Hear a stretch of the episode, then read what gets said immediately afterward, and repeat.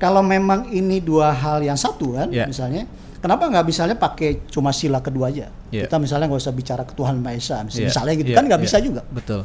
Karena dia saling menjelaskan gitu. Itu bisa bisa salah kita mengukur. LGBT itu mungkin bisa dibolehkan Bisa di sini diperbolehkan. atas nama kemanusiaan itu sebenarnya. Betul. Tapi apakah itu ukuran kemanusiaan yang benar? Tidak. Nah, dari mana kita tahu bahwa itu bukan ukuran kemanusiaan yang benar? Ya tentu mengacu kepada nilai-nilai ketuhanan kan nah, gitu itu kan kita harus baliknya ke sana. ya.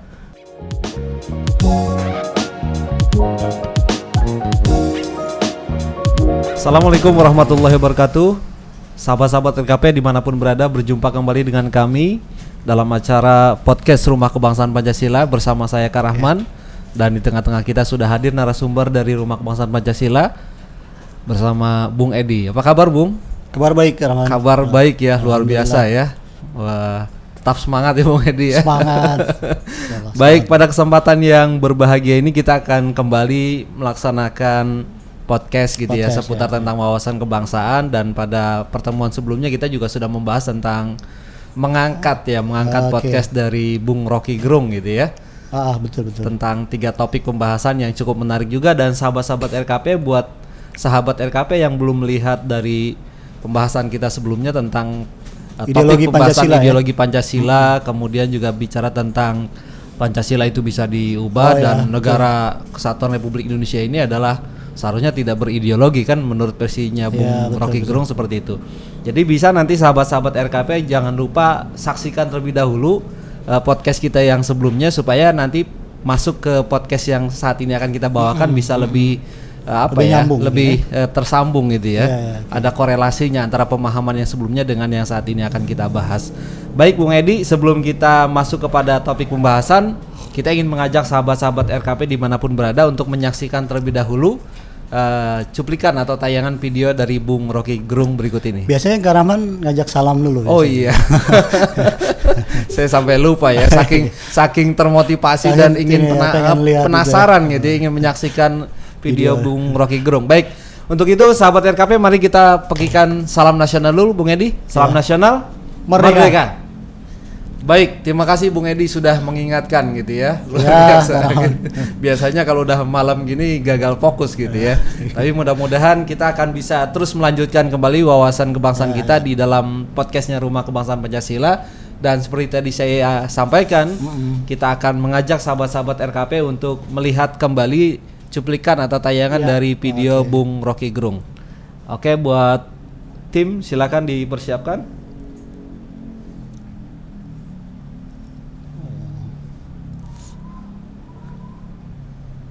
Harap menunggu. Iya. Jadi memang menarik ya kalau beberapa video Bung Rocky Gerung yang harus Dari ditanggapi gitu ya.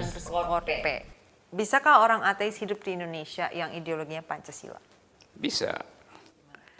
Karena ateisme itu tidak mengganggu. uh, Ateisme kan bukan kriminal.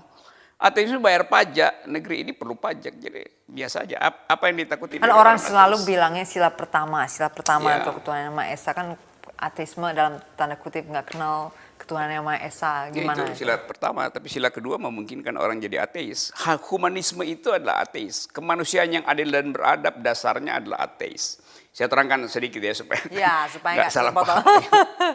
Kalau saya berbuat baik atas nama kemanusiaan, tidak ingin dapat pahala di surga, orang akan bilang saya ateis karena nggak nggak percaya ada pahala di surga. Yang ada soal, karena saya tidak ingin berbuat sesuatu untuk dapat pahala. Justru itu perbuatan yang tidak otentik, palsu kalau bilang saya berbuat sesuatu kebaikan supaya saya masuk surga tuh. Kalau masuk surga ya bonus aja kan. Nah pikiran semacam itu ya pikiran sekuler. Di dalam sekularisme, di dalam pikiran sekuler ada versi ateisme itu. Tidak semua orang ateis adalah sekuler, tapi ada versi ateis dalam sekuler yaitu humanisme tadi. Nah dalam sejarah eh, politik, sila kedua itu yang oleh Bung Karno disebut humanisme, yang kemudian dipanjangkan jadi kemanusiaan adil dan beradab, itu justru di abad tengah dimaksudkan untuk membatalkan otoritas gereja teokrasi yang menganggap bahwa orang itu hanya berbuat baik bila direstui oleh langit. bahkan disebut sola gracia. Karena direstui oleh Tuhan maka dia berbuat baik. Itu konsekuensinya panjang bahwa politik dikendalikan oleh gereja. Maka muncul humanisme. Jadi humanisme itu adalah antitesis dari teokrasi. Dengan kata lain, sila kedua Pancasila itu antitesis dari sila pertama sebetulnya. Sebetulnya bertentangan dua sila itu. Nah, saya Tapi menafsirkan ada di dalam Ada. dalam satu dalam satu sumber hukum yang sama yaitu Pancasila. Ya, karena itu saya bilang menafsirkannya Pancasila itu bukan sesuatu yang utuh, itu gabungan dari macam-macam pikiran sebetulnya. Karena itu nggak tepat menyebutkan Pancasila itu ideologi. Sebetulnya itu pandangan hidup yang plural. Kalau ideologi dia mesti tunggal, mesti koheren. Iya, betul. Sila pertama pasti bertentangan dengan demokrasi. Demokrasi boleh nggak bertuhan. Demo- demokrasi kan boleh nggak beragama kan? Karena agama itu adalah hak. Jadi boleh dia pakai, boleh nggak dia pakai. Kalau di, di kita sekarang kan dianggap kalau nggak beragama itu nggak pancasilais. Lo agama itu adalah hak, boleh dipakai nggak, boleh nggak dipakai. Sama dengan golput agama itu kan. Jadi ateisme itu sebetulnya golput di dalam teologi itu. Saya nggak mau pakai hak saya beragama. Apakah saya jahat? Tidak. Jahat kalau saya melanggar KUHP, membunuh orang itu jahat. Apakah ateis membunuh orang? Begitu banyak penerima Nobel perdamaian yang justru adalah ateis itu. Nah di sini ateisme dianggap sebagai hal yang eh, berbahaya. Kita mesti jujur supaya kita nggak dihantui oleh istilah yang kita nggak mengerti. Itu kan karena tadi karena fanatisme budaya Iya. yang sehingga orang nggak bisa melihat itu secara jujur gitu loh. Padahal Jadi- secara kebudayaan agama asli kita tuh ada yang animisme, politisme, ateisme tuh. Ateisme juga agama. Karena dia meyakini sesuatu hanya berdasarkan kemampuan dia untuk melihat penderitaan lalu dia layani penderitaan orang lain. Kan dia udah beragama seperti bagi dia kan. Nah, yang kacau ateisme dianggap anti Tuhan, bukan. Ateisme itu tidak peduli dengan konsep Tuhan. Tidak Jadi ngapain? iya, ngapain dia mau anti sesuatu yang dia nggak peduli gitu kan? Ya soal biasa. Menjelaskan itu agak susah betul. Dianggap anti Tuhan nggak anti Tuhan. itu kalau itu antiteis ya. itu antiteis. Dan orang bisa misalnya bertuhan pada pengetahuan dia sendiri, ya nggak apa-apa kan. Pada imajinasi dia ya silahkan. Baik. Ya. Oke, Jadi ya, kita menanggapi tentang videonya Bung Rocky Gerung gitu ya Bung Edi ya tentang ateisme dan pertentangan antara sila pertama dan sila kedua di dalam Pancasila gitu ya. Jadi bagaimana pandangan Rumah Kebangsaan Pancasila dalam hal ini Bung Edi selaku ketua dari Rumah Kebangsaan Pancasila akan hal itu gitu. Iya, eh, kalau tadi Bung Rocky katakan bahwa ateisme itu bisa diterima ya Iya. di Indonesia atau bisa hidup di dalam Pancasila, itu kita setuju. Ya. Kita setuju itu. Cuma kalau kemudian ujung-ujungnya mempertentangkan antara sila, Sila satu, satu dan sila kedua gitu ya. ya ketuhanan yang maha esa Ketuhanan itu Maha ya, ya. dengan sila kedua kemanusiaan yang beradab. Nah, di situlah kita kita Iya. tidak sependapat. Iya. tidak sependapat karena sila satu dan sila kedua ini kan kita tahu dia sebenarnya kan satu kesatuan Satu yang nggak bisa dipisahkan Betul. sebenarnya. Maka itu kalau di dalam agama itu kita mengenal namanya golden rule ya. Ada aturan emas itu. Aturan Mas. ya. Yang semua agama itu dia punya golden rule yang sama bahwa bahwa kita harus mencintai Tuhan dan kita harus mencintai sesama manusia kan gitu ya. Iya, iya.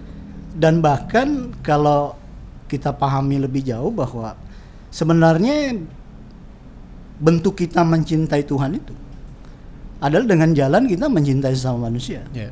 Artinya kan dia satu kesatuan yang tidak terpisahkan. Ya memang di sini kan kita perlu perlu memahami lebih dulu sih apa yang dimaksud dengan ketuhanan, apa yang dimaksud dengan kemanusiaan itu. Hmm.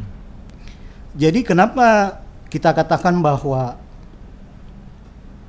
orang ateis itu bisa hidup di dalam negeri kita ini atau di dalam Pancasila? Karena sebenarnya eh, bahkan dia nggak bertentangan sama sila satu karena Iya.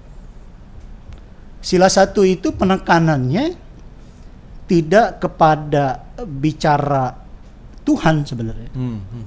tapi fokusnya itu bicara tentang ketuhanan. Iya. Kan gitu ya. Bicaranya tentang ketuhanan. Jadi apa itu ketuhanan sebenarnya?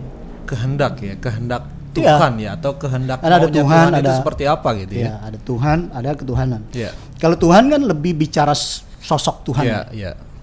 Tapi kalau ketuhanan ini lebih kepada kehendak Iya. atau kepada hukum atau kepada ajaran sifat Tuhan itu sendiri. Iya. Jadi Pancasila itu sebenarnya tidak tidak ambil pusing kita itu Tuhannya namanya siapa. Hmm. Terus kita punya Tuhan berapa gitu. Iya, iya. Yang bahkan kalau kita lihat di negeri kita ini ya, di dalam agama-agama yang ada negeri kita, itu bahkan punya konsep ketuhanannya kan beda-beda. Berbeda-beda betul. Konsep kita tentang Tuhan itu beda-beda.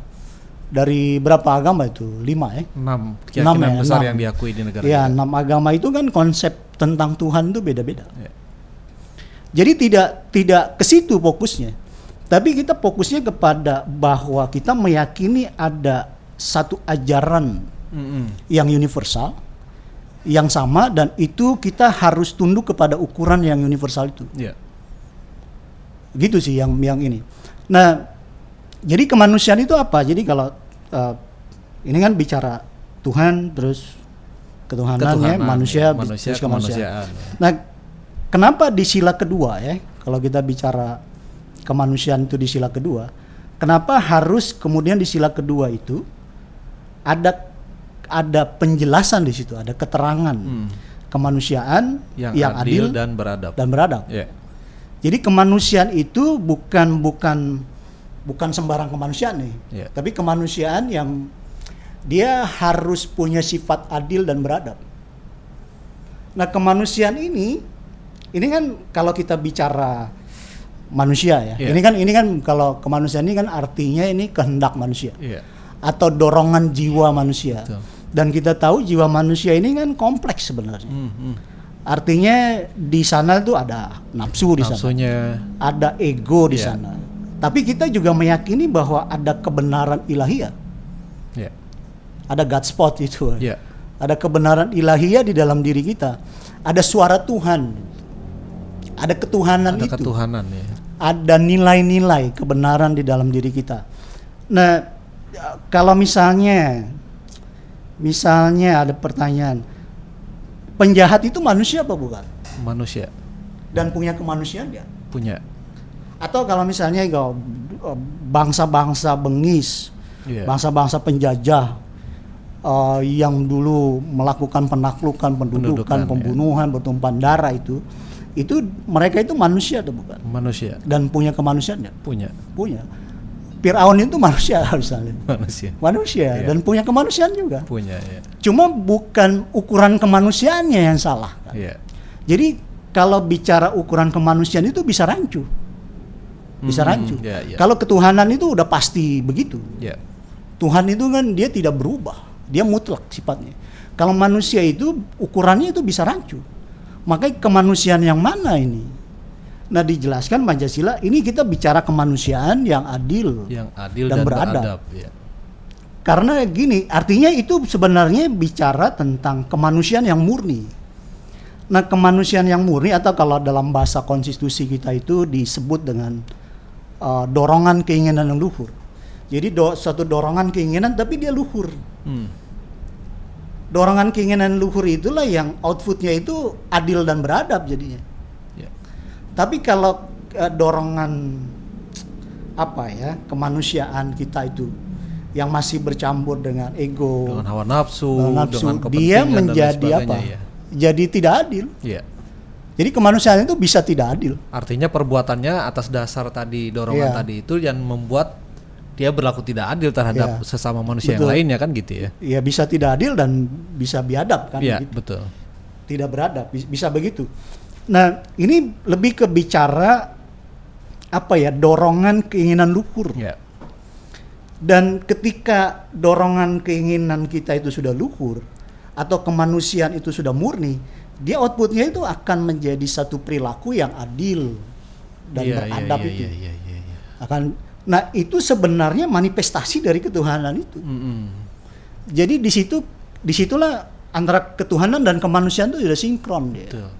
Makanya dia yang sebenarnya tidak bertentangan, tapi dia satu dua hal dalam bentuk dalam wujud yang berbeda. Iya. Jadi bentuk implementasinya daripada kita melaksanakan ketuhanan itu, melaksanakan ketentuan-ketentuan Tuhan ya. Ya dengan jalan kita mempraktekkan kemanusiaan yang murni tadi, Iya. yang adil dan beradab. Nah kalau kita mau pahami lebih jauh ya masalah itu ya. Nih kalau kita bicara agama-agama yang ada, kita kalau di Muslim itu konsep Tuhan kita kan tauhid. Tauhid. Iya. Tuhan kulallahu ahad. Iya. Jadi Tuhan itu satu adanya, Ya. Esa. gitu. Kalau kita lihat misalnya saudara kita yang Nasrani, kan konsep Tuhan tentang Tuhan beda ya. Iya. Mereka punya konsep Trinitas ya. Trinitas ya. Jadi eh, dalam kepercayaan mereka bahwa Tuhan itu hadir dalam tiga tiga pribadi yang berbeda. Ada Tuhan Bapa, Tuhan Anak, dan Roh, Dan Roh Kudus. Kudus ya.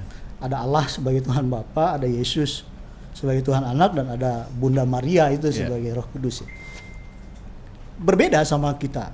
Terus kalau misalnya kita lihat saudara kita yang Hindu, Hindu ini lebih kompleks lagi. Hmm. Di satu sisi mereka mengenal yang namanya Trimurti itu. Jadi Trimurti itu mirip-mirip sama Trinitas ya. Jadi kalau dalam pandangan uh, umat Hindu kan ada tiga dewa inti itu ya. Ada Brahma, Brahma. sebagai pencipta, terus ada Wisnu, Wisnu. sebagai pemelihara, terus Dan ada Siwa, Iya. yang apa membinasakan sebagai dewa yang merusak, Iya. perusak. Dan bahkan di Hindu itu kan punya kepercayaan banyak dewa. Di agama Hindu itu bisa ratusan dewa. Iya. Bahkan kalau di India sana bisa ribuan. Oh, di India ya, India ya. Karena mereka kan ada yang namanya kepercayaan panteisme ya. Panteisme itu mereka mempercayai bahwa alam semesta ini sebenarnya pengejawantahan dari Tuhan. Hmm. Jadi setiap hal itu kayak ada Tuhannya, ada dewanya. Matahari Iya, ada matahari dewanya, ada angin ada dewanya, Ada air dewanya. gitu juga ya. Iya. Iya. Eh, kan kita punya konsep tentang Tuhan berbeda juga. iya. Terus kalau kita bicara saudara kita yang Buddha misalnya. Kalau Buddha itu Tuhan siapa? Tidak ada ya. Agama Buddha. Dia mengakui Tuhan tapi tidak Iya, bahkan di dalam agama Buddha itu kan Hmm. dia tidak mengenal konsep seperti yang agama yang lain. Hmm. Jadi dalam agama Buddha itu tidak ada konsep penyembahan pada Tuhan. kepada Tuhan. Tapi bukan berarti mereka tidak bertuhan. Iya. Tapi bahkan mereka tidak punya nama Tuhan. Jadi kalau ditanya namanya siapa Tuhannya orang Buddha, nggak ada. Nggak ada. Tapi mereka percaya bahwa ada satu kekuatan yang maha besar yang menurut mereka itu mereka sebut dengan uh, sesuatu yang tidak dilahirkan, sesuatu yang tidak dijelmakan, sesuatu yang tidak diciptakan, dan sesuatu yang bersifat mutlak. Jadi mereka mempercayai itu. Tapi mereka tidak tidak tidak sebut ya, tidak sebut itu Tuhan dan tidak ada konsep penyembahan seperti agama-agama yang lain. Iya. Kalau kita kan di Islam ada penyembahan, Iya. di Kristen juga begitu, di Hindu juga begitu. Tapi kalau di uh, Buddha Di kan Buddha ada. ada ya. Atau kalau misalnya lihat di Konghucu, Konghucu itu juga punya keunikan sendiri tentang uh, apa namanya uh, kepercayaan mereka tentang Tuhan. Jadi Tuhan itu buat mereka Tuhan yang esa, Iya. Tian itu ya, Uh, dan punya pemerintahan di langit sana Di langit. yang dibantu oleh para dewa dan para malaikat itu. Negeri kayangan gitu ya, ya. kayak negeri kayangan gitu ya. Uh, dan Tuhan itu memimpin satu pemerintahan langit Oke. gitu. Dan kit- manusia itu di bumi sebenarnya mewujudkan satu pemerintahan seperti yang uh, yang Tuhan punya di langit sana. Hmm. Nah, kalau kita lihat dari konsep tentang Tuhan di agama-agama yang ada itu ya. Ini kan kita semua berbeda-beda Iya. nama Tuhannya berbeda-beda, jumlah Tuhannya juga mungkin beda-beda Iya. ya. Tapi memang Pancasila tuh tidak masuk ke ranah itu. Mm-mm. Maksudnya itu itu menjadi hal yang enggak enggak apa, enggak krusial. Tapi yang paling penting adalah kesepahaman kita, kesepakatan kita bahwa dengan cara apa pun kita menyebut nama Tuhan itu, dengan cara apa pun kita menyembahnya, atau berapapun misalnya jumlah Tuhan yang kita Iya. percayai, tapi kita percaya bahwa ada ukuran universal yang Hmm. ditetapkan bagi kehidupan kita, Iya. dan kita harus meng- mengikuti ukuran universal itu. Iya, iya. Itu yang menjadi fokusnya Pancasila ya. Iya. Jadi eh, kalau kemudian antara sila satu dan, Dan sila, sila kedua dua itu gitu. bahkan tadi Bung Rocky itu Bilangnya antitesis gitu ya. iya iya sebutnya antitesis ya Iya. bahwa sila Pertama, itu sila kedua ini adalah antitesis, dari antitesis sila dari pertama. sila gitu. pertama. Iya. Padahal dia sebenarnya satu kesatuan. Iya. Satu kesatuan ya bisa dipisahkan. Cuma eh, ya kemanusiaannya itu harus eh, kemanusiaan yang adil beradab. Iya. Jadi ketika kita mampu melaksanakan kemanusiaan yang murni, eh, suatu dorongan keinginan dan luhur, kita hidup dalam keluhuran itu, sehingga kehidupan kita jadi adil dan beradab, sebenarnya di situlah letak kita sudah mengimplementasikan Hmm. ketuhanan itu. Nilai-nilai ketuhanan. Karena di situ kita sudah hidup di dalam apa ya? Di dalam ajarannya, Iya. dalam ajaran Tuhan. Iya. Jadi nggak nggak penting ini ateis kayak apa kayak.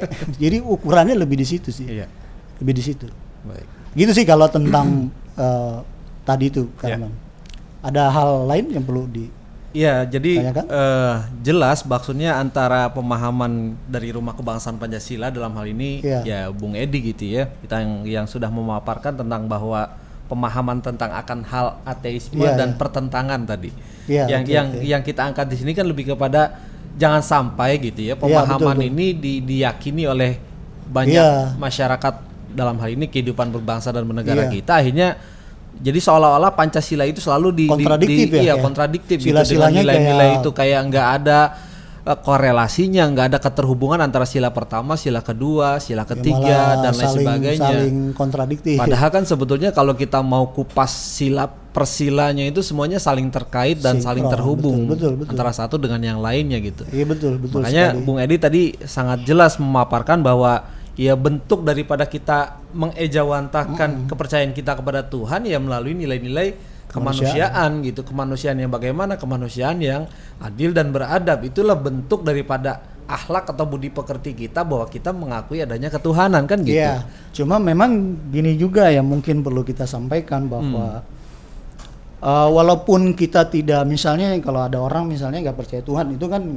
nggak mungkin kita usir Iya, misalnya iya, nggak boleh iya. tinggal di Indonesia. Tetap diterima asal mereka tadi Iya. bisa melaksanakan suatu kehidupan yang di atas dasar kemanusiaan beradab itu ya. Iya. Cuma juga kita mendorong bahwa Pancasila itu mendorong supaya kita itu membangun koneksi kepada Tuhan. Iya. Karena sebenarnya apa ya? eh, kalau kita bicara kemanusiaan itu, dia kan sebenarnya ukuran kebenarannya itu kalau di apa ya di ketuhanan Di, itu di sendiri. ketuhanan ya, di, Di ketuhanan nilainya sendiri. itu ya. Jadi kita nggak bisa kalau memang ini dua hal yang satu kan, Ya. misalnya, kenapa nggak misalnya pakai cuma sila kedua aja? Ya. Kita misalnya nggak usah bicara ketuhanan Maha Esa, mis- Iya, misalnya gitu iya, kan nggak iya. bisa juga. Betul. Karena dia saling menjelaskan gitu. Misalnya kalau kita cuma bicara tentang kemanusiaan misalnya, itu bisa bisa salah kita mengukur. Hmm. Misalnya di Indonesia ya, kalau kita bicara hanya bicara kemanusiaan, mungkin LGBT itu, Oh iya. LGBT itu mungkin bisa dibolehkan Bisa di sini. diperbolehkan. Misalnya atas nama kemanusiaan, Iya, oh, eh, kan iya, kasihan dia kan memang ya sudah misalnya anggaplah terlahir kayak begitu, Iya, dia ya dengan berbagai alasan itulah. Iya. Atas nama kemanusiaan Iya. itu bisa bisa saja kemudian jadi boleh seperti di negara-negara barat. ya. Iya. Atas nama kemanusiaan itu sebenarnya. Betul. Tapi apakah itu ukuran kemanusiaan yang benar? Tidak.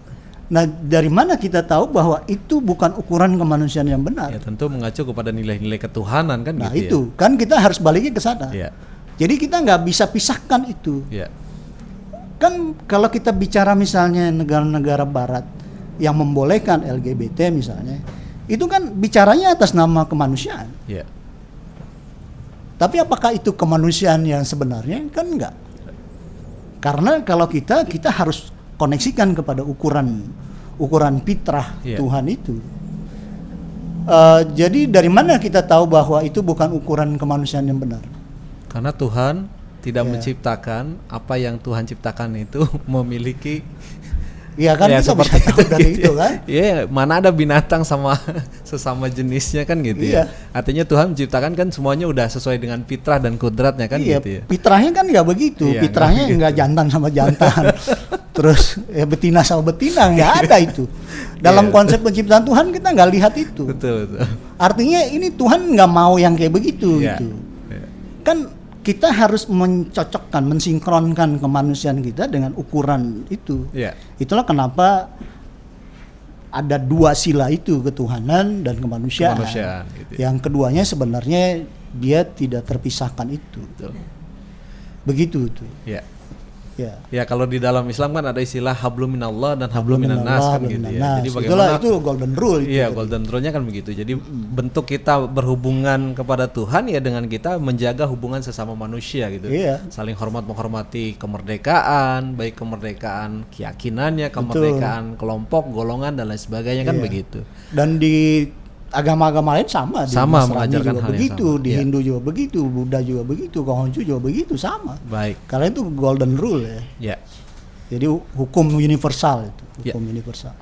Baik, Ya. ya menarik sekali Bung Edi. Jadi Ya. sahabat-sahabat RKP di mana pun berada, jadi itu pandangan kami di Rumah Ya, Kebangsaan oke. Pancasila tentang kaitan antara sila-sila yang ada di dalam Pancasila. ini bukan cuma bicara tentang sila satu dan sila, Iya, Sila dua dua, saja, tapi ini kalau kita ngomongin semua sila yang ada di dalam Pancasila itu semuanya saling terhubung dan saling terkait Dan kan gitu ya, sinkron, dan ya. sangat sinkron Tidak ada sekali. kontradiktif. Tidak ada kontradiktif. Betul, betul. Baik.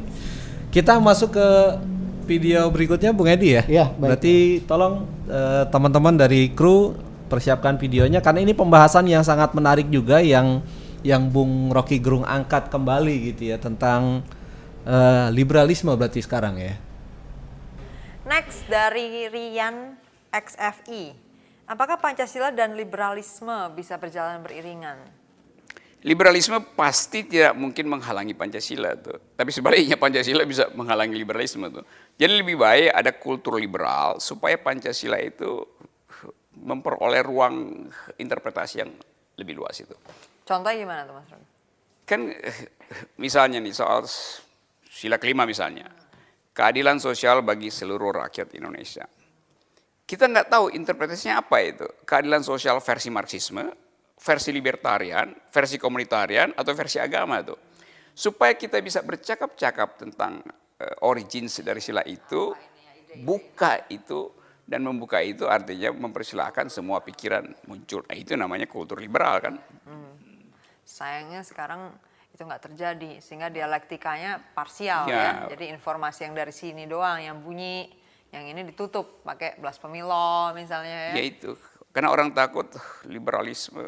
Liberalisme itu eh, kanan loh. Kalau Anda di Amerika bilang I am liberal, itu artinya kiri. Pro social justice. Kalau di Eropa bilang liberal itu hanya kanan karena ada partai buruh yang komunis di situ tuh. Amerika nggak ada partai buruh. Maka partai Demokrat jadi partai liberal sebetulnya. Nah, itu juga kekacauan eh, istilahnya Karena tradisi filsafatnya juga kan orang nggak kenal dari di dalam sekolah kan nggak nggak ada ya tradisi itu itu itu nggak tadi ada. kurikulum mesti dirubah supaya kedunguan bisa Aduh, bisa, bisa dikendalikan. bisa- kalaupun nggak bisa dihapuskan dikendalikan ya. kendalikan. Ya. Oke. Baik, Bung Edi. Nah, dari video yang sama-sama sudah kita saksikan, bagaimana tanggapan Bung Edi akan hal itu?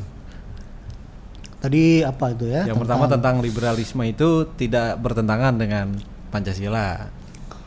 Tapi justru Pancasila bagaimana tadi kalimatnya itu? ya, Pancasila justru yang menghalangi liberal. Menghalangi liberalisme kan gitu. Kalau liberal tidak menghalangi Iya. Pancasila. Eh iya, apa namanya kalau dalam konteks eh, apa ya? eh, kita mempraktekkan liberalisme di dalam kita berpancasila, Iya. itu dia akan berbenturan itu antara liberalisme sama Pancasila. Karena dia punya satu apa ya? Satu satu apa istilahnya ya? Satu budaya yang berbeda Hmm. itu budaya yang berbeda. Em, memang di dalam Pancasila itu kita kita mengenal ada kebebasan di Iya. situ, ada kemerdekaan di situ, Iya. ada artinya kita punya kebebasan berpendapat, Berpendapat, kita ya. punya kebebasan berpolitik di situ. Betul. Tapi kalau dalam Pancasila kita bicara kebebasan, itu dalam arti kebebasan yang tidak dalam seperti dalam liberalisme yang Ya. kalau dalam liberalisme itu kan kayak kebebasan yang apa ya? Kayak eh, kayak jadi kayak nggak ada arah. Hmm. Ada arah. Tapi kalau dalam Pancasila kita bicara demokrasi, kita bicara kebebasan, itu lebih kepada kebebasan yang terpimpin. Oke. Makanya kita demokrasi Pancasila itu demokrasi terpimpin. Terpimpin, iya. Demokrasi terpimpin. Iya. Bukan demokrasi liberal, Liberal, seperti demokrasinya orang-orang barat. Iya. Kan kalau demokrasi liberal itu demokrasi tarung bebas. Iya. Walaupun sih sekarang dalam prakteknya itu eh, kita itu cenderung juga demokrasinya agak-agak Agak-agak liberal ya. agak cenderung ke Iya. liberal gitu karena kayak demokrasi tarung bebas Iya. gitu ya, main kuat-kuatan itu tidak ada dalam budaya Pancasila. Nah, kalau dalam kebudayaan Pancasila kita bicara demokrasi dalam ke- eh, dalam Pancasila itu itu demokrasi yang terpimpin terpimpin oleh apa? Oleh hikmat, Hikmah kebijaksanaan. kebijaksanaan. Artinya rambu-rambunya, koridor-koridornya hikmah kebijaksanaan itu. Ya. Jadi ada hikmah kebijaksanaan yang kita tetapkan bersama yang kemudian menjadi jadi rambu-rambu. Jadi batasan-batasan kita bicara kebebasan. Dan kita juga kebebasan dalam Pancasila itu kebebasan kita berpendapat, Iya, iya. berpolitik ya. Itu dalam dalam bingkai permusyawaratan untuk mufakat. Hmm. Makanya kalau di sila ke berapa itu? Sila 4 ya. Ke sila keempat. Kerakyatan dipimpin oleh hikmah, kebijaksanaan dalam dalam, permusyawaratan perwakilan. Jadi budaya kebebasan dalam Pancasila begitu. Dalam ruang permusyawaratan untuk mencapai mufakat. Bukan kebebasan misalnya seperti yang kita lihat sekarang misalnya saling bully. Iya. Bahkan presiden juga di Dibully juga ya. dibully nggak jelas Iya. gitu ya, aneh-aneh terus ya akhirnya cenderung membawa kita pada perpecahan gitu. Iya, iya, iya. Itu kan budaya ribel, apa liberal, Liberal, yang yang iya. yang apa namanya yang eh, sebenarnya bukan budaya Pancasila gitu. Iya. Budaya Pancasila kita boleh berdebat, kita boleh berbeda pendapat, tapi itu dalam rangka kita mencapai mufakat. Kemufakatan. Bukan kita berbeda pendapat untuk menghancurkan orang, untuk membuli, menjatuhkan pihak lawan, Iya, bukan, iya, iya, atau iya. kelompok yang berbeda. Kalau sekarang kan cenderungnya begitu ya, nggak peduli dia benar atau enggak, pokoknya bully aja. Iya. Pokoknya selama itu bukan kelompoknya, ya apa dibully habis. Iya. Mau benar juga jadi salah. Betul.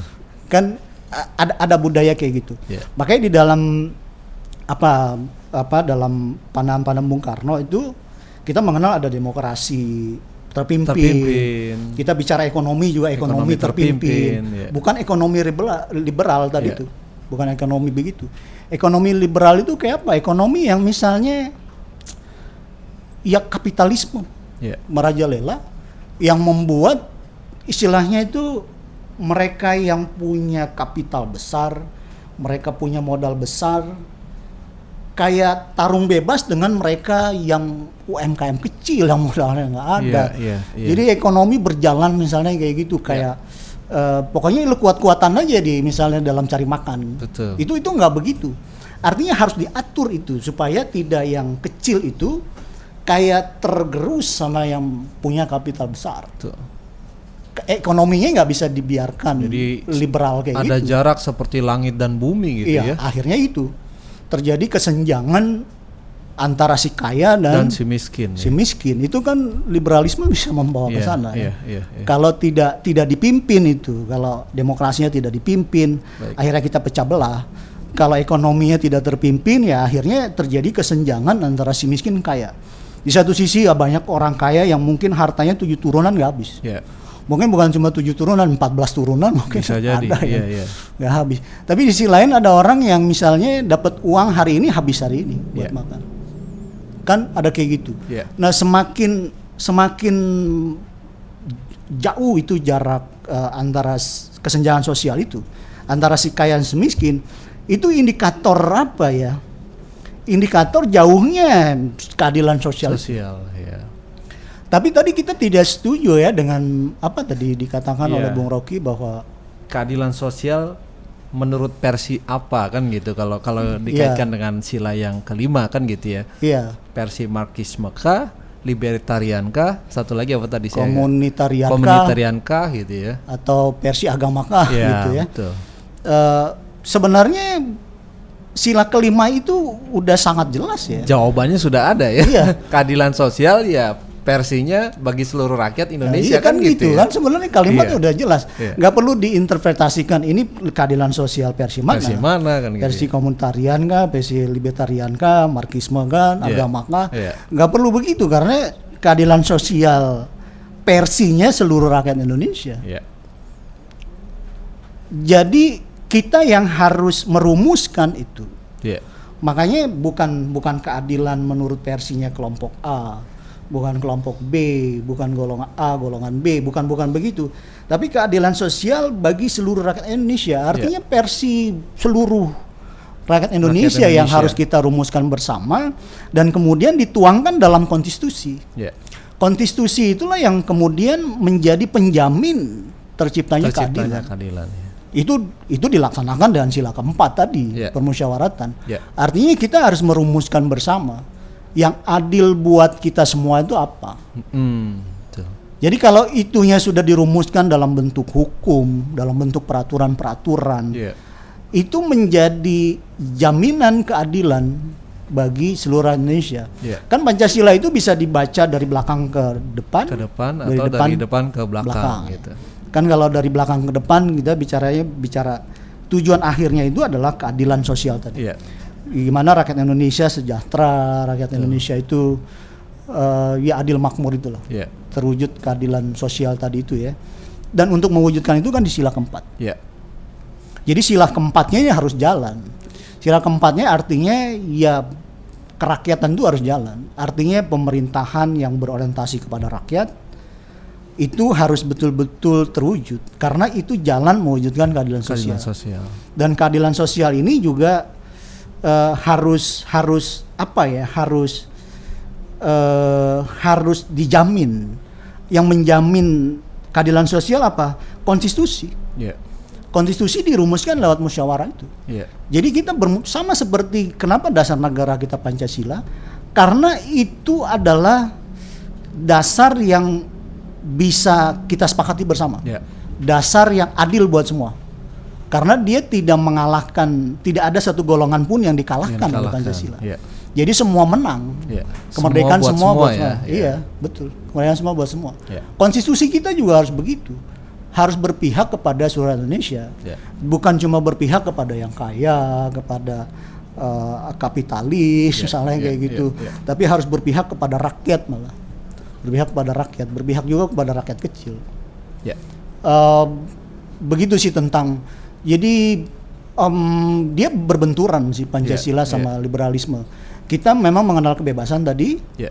Eh, liberalisme ini kan bicara kebebasan ya, tapi dalam Pancasila kebebasan kita adalah kebebasan yang Yang terpimpin. tetap ada ada arahnya Ada ya. arah, ada Gitu. koridor-koridor Ada di situ. koridor-koridornya gitu. Dan ada budaya budaya luhur di situ. Iya.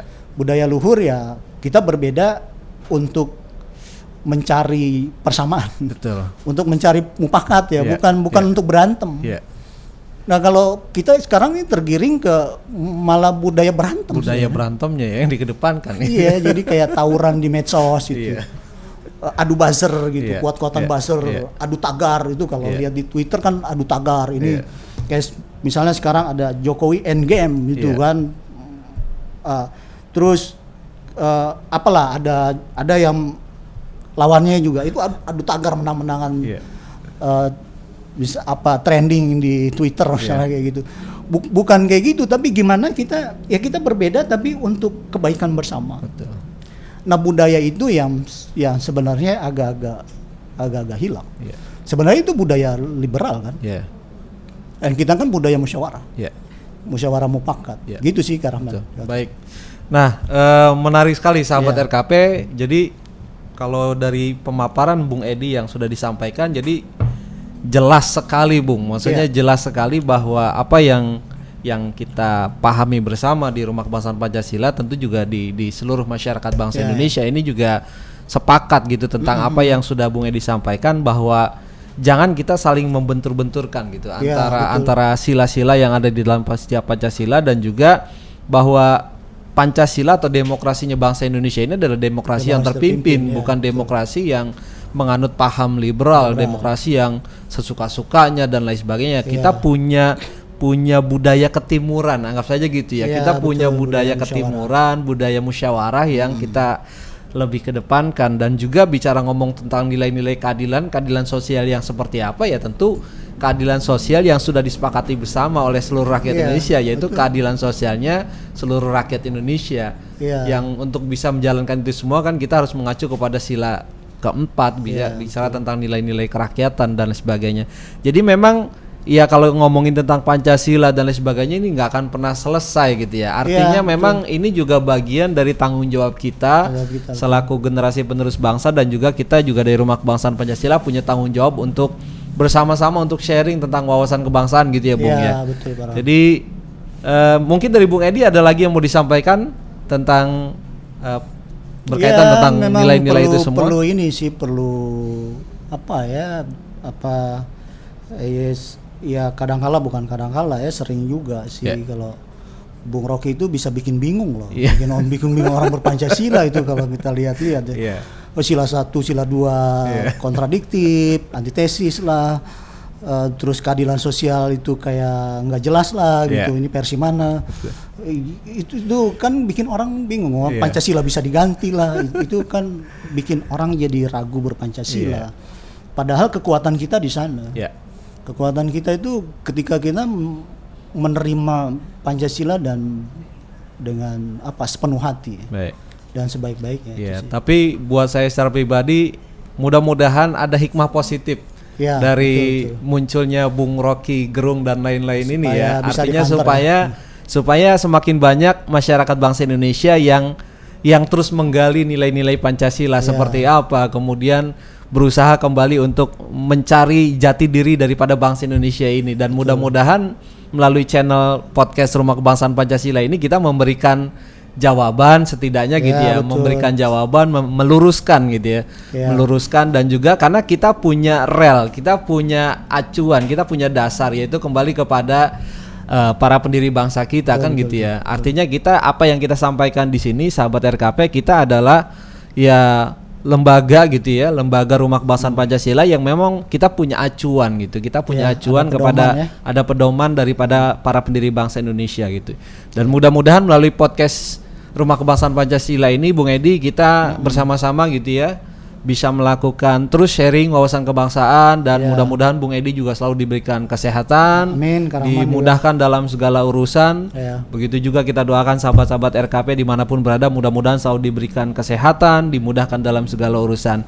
Baik, mena- menarik dan kayaknya ini kalau kita mau bahas terus bisa sampai tiga jam juga nggak akan selesai, Bung Edi ya. Iya. Tapi setidaknya waktu yang cukup singkat ini juga bisa memberikan sebuah pemahaman buat sahabat-sahabat RKP di mana pun berada.